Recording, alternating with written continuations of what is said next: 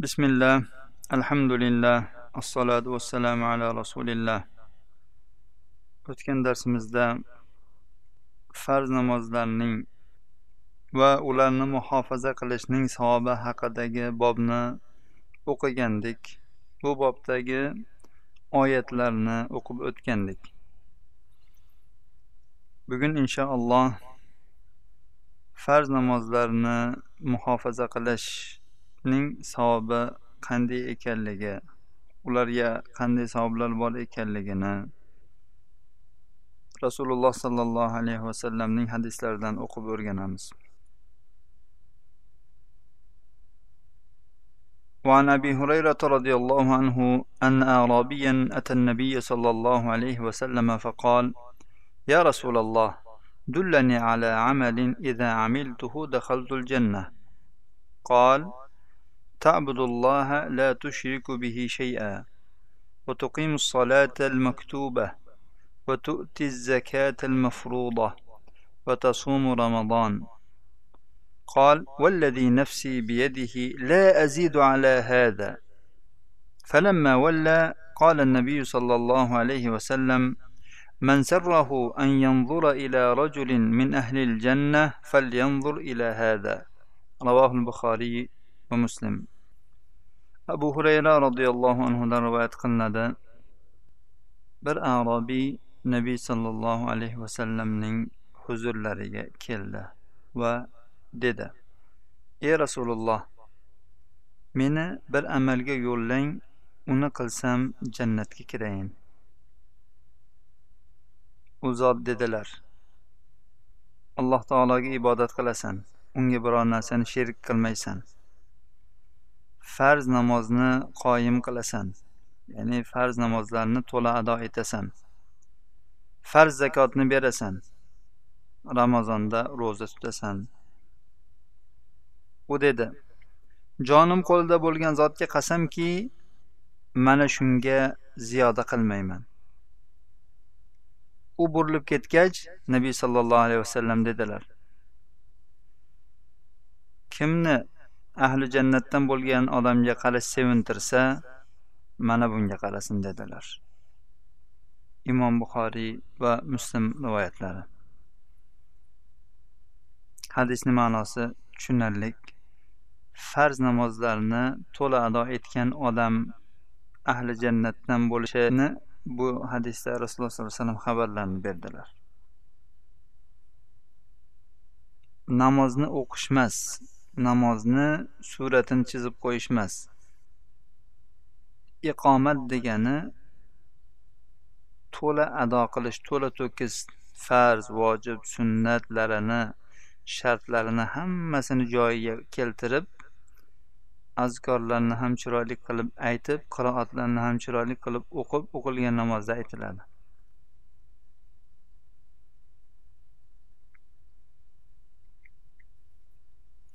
وعن عبادة بن الصامت رضي الله عنه قال سمعت رسول الله صلى الله عليه وسلم يقول خمس صلوات كتبهن الله على العباد فمن جاء بهن ولم يضيع منهن شيئا استخفافا بحقهن كان له عند الله عهد أن يدخله الجنة ومن لم يأت بهن فليس له عند الله عهد إن شاء عذبه وإن شاء أدخله الجنة. رواه أبو داود والنسائي وابن حبان ubodat ibn somit roziyallohu anhudan rivoyat qilinadi dedilar men rasululloh sollallohu alayhi vasallamdan shunday deyayotganlarini eshitdim besh vaqt namozni alloh taolo bandalariga farz qildi kim ularni bajarsa va ulardan biror narsani haqlarini kamsitgan holda zoyi qilmasa. U uchun allohning oldida uni jannatga kiritishlik ahli bo'ladi. Kim bu namozlarni olib kelmasa ya'ni bajarmasa u uchun alloh taoloning oldida ahd bo'lmaydi jannatga kiritish uchun. Xohlasa uni azoblaydi xohlasa uni jannatga kiritadi.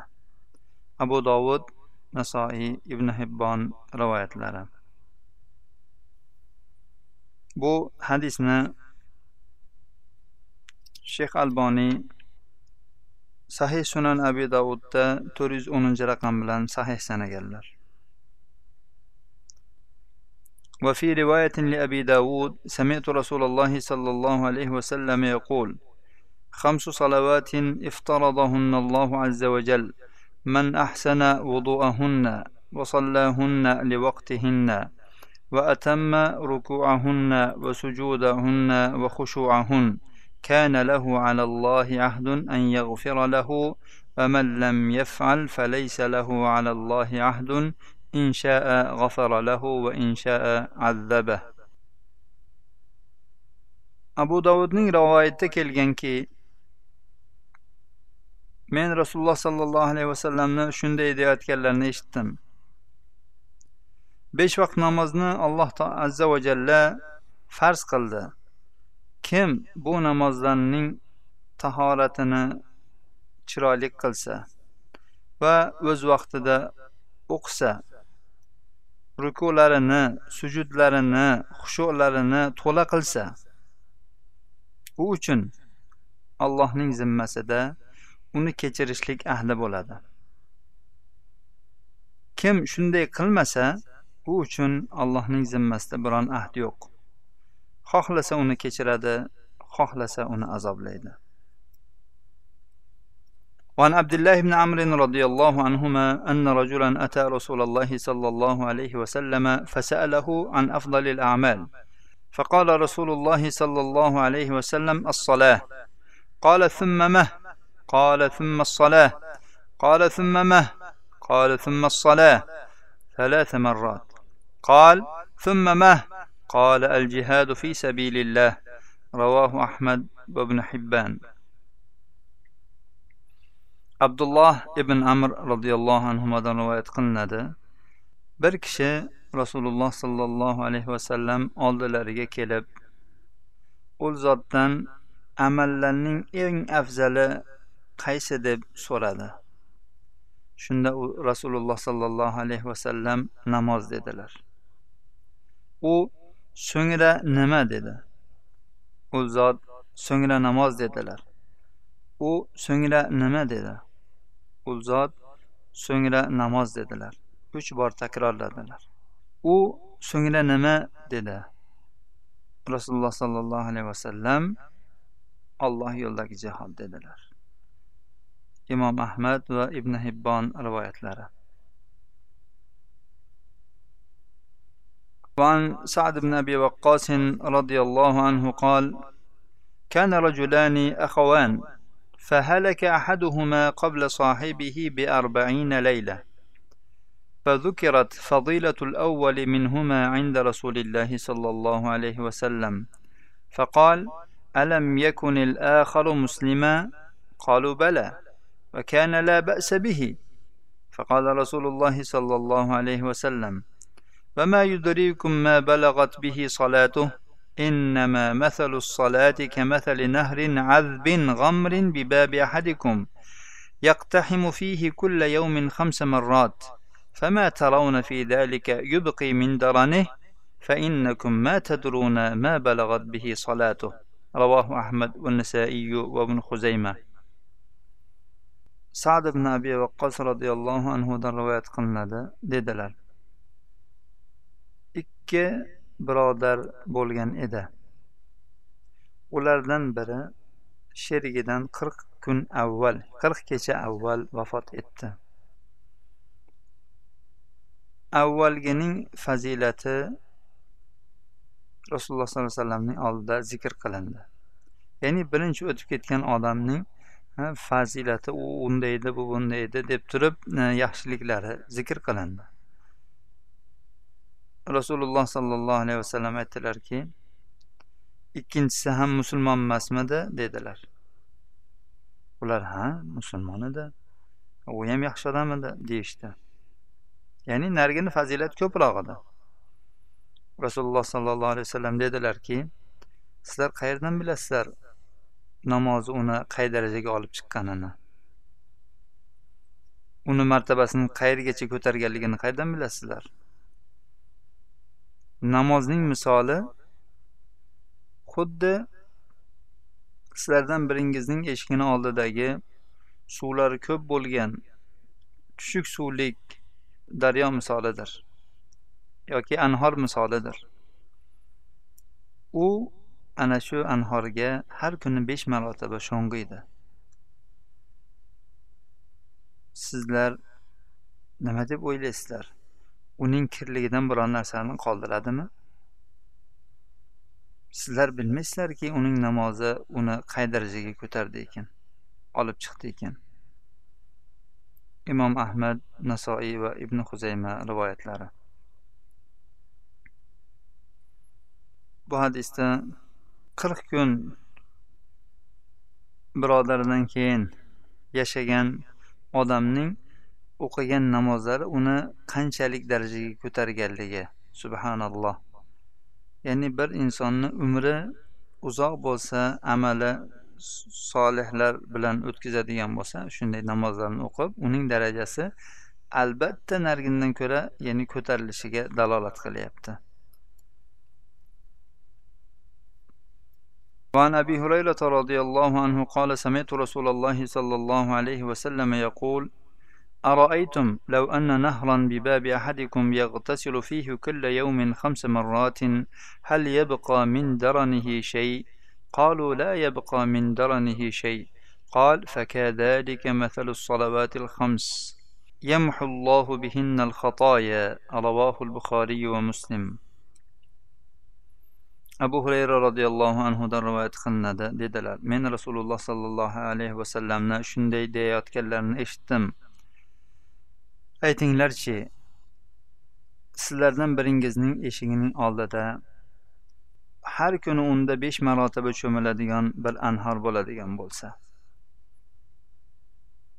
uning kirligidan biron narsa qoladimi? Ular uning kirligidan biron narsa qolmaydi dedilar. Shunda rasululloh sollallohu alayhi vasallam dedilarki besh vaqt namozning misoli shunga o'xshashdir. Alloh taolo ular bilan xatolarni o'chirib tashlaydi. Imom buxoriy va muslim rivoyatlari. وعن أبي هريرة رضي الله عنه أن رسول الله صلى الله عليه وسلم قال الصلوات الخمس والجمعة إلى الجمعة كفارة لما بينهن ما لم تغش الكبائر.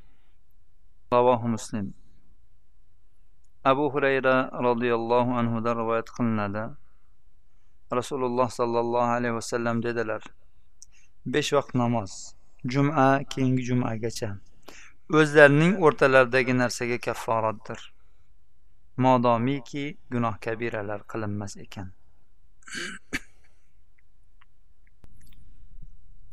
وعن عثمان رضي الله عنه قال سمعت رسول الله صلى الله عليه وسلم يقول ما من امرئ مسلم تحضره صلاة مكتوبة فيحسن وضوءها وخشوعها وركوعها إلا كانت كفارة لما قبلها من الذنوب ما لم تؤت كبيرة.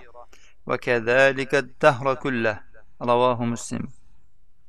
عثمان رضي الله عنه دروات خلنا ديدلر من رسول الله صلى الله عليه وسلم شندي ديات كلا نشتم qay bir musulmonga farz namozning vaqti hozir bo'lar ekan u ana shu namozning tahoratini xushuini va rukusini chiroyli qilsa albatta ana shu o'qigan namozi uning ana shu namozdan avvalgi gunohlariga kafforat bo'ladi modomiki gunoh kabira qilinmagan bo'lsa.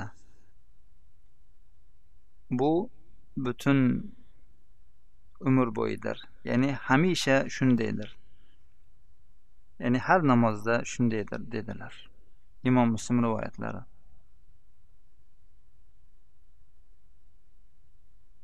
Bu hadisda va bundan oldingi hadisda yana abu hurayraning hadislarida va usmon roziyallohu anhuning hadislarida gunoh kabira qilinmasa deyildi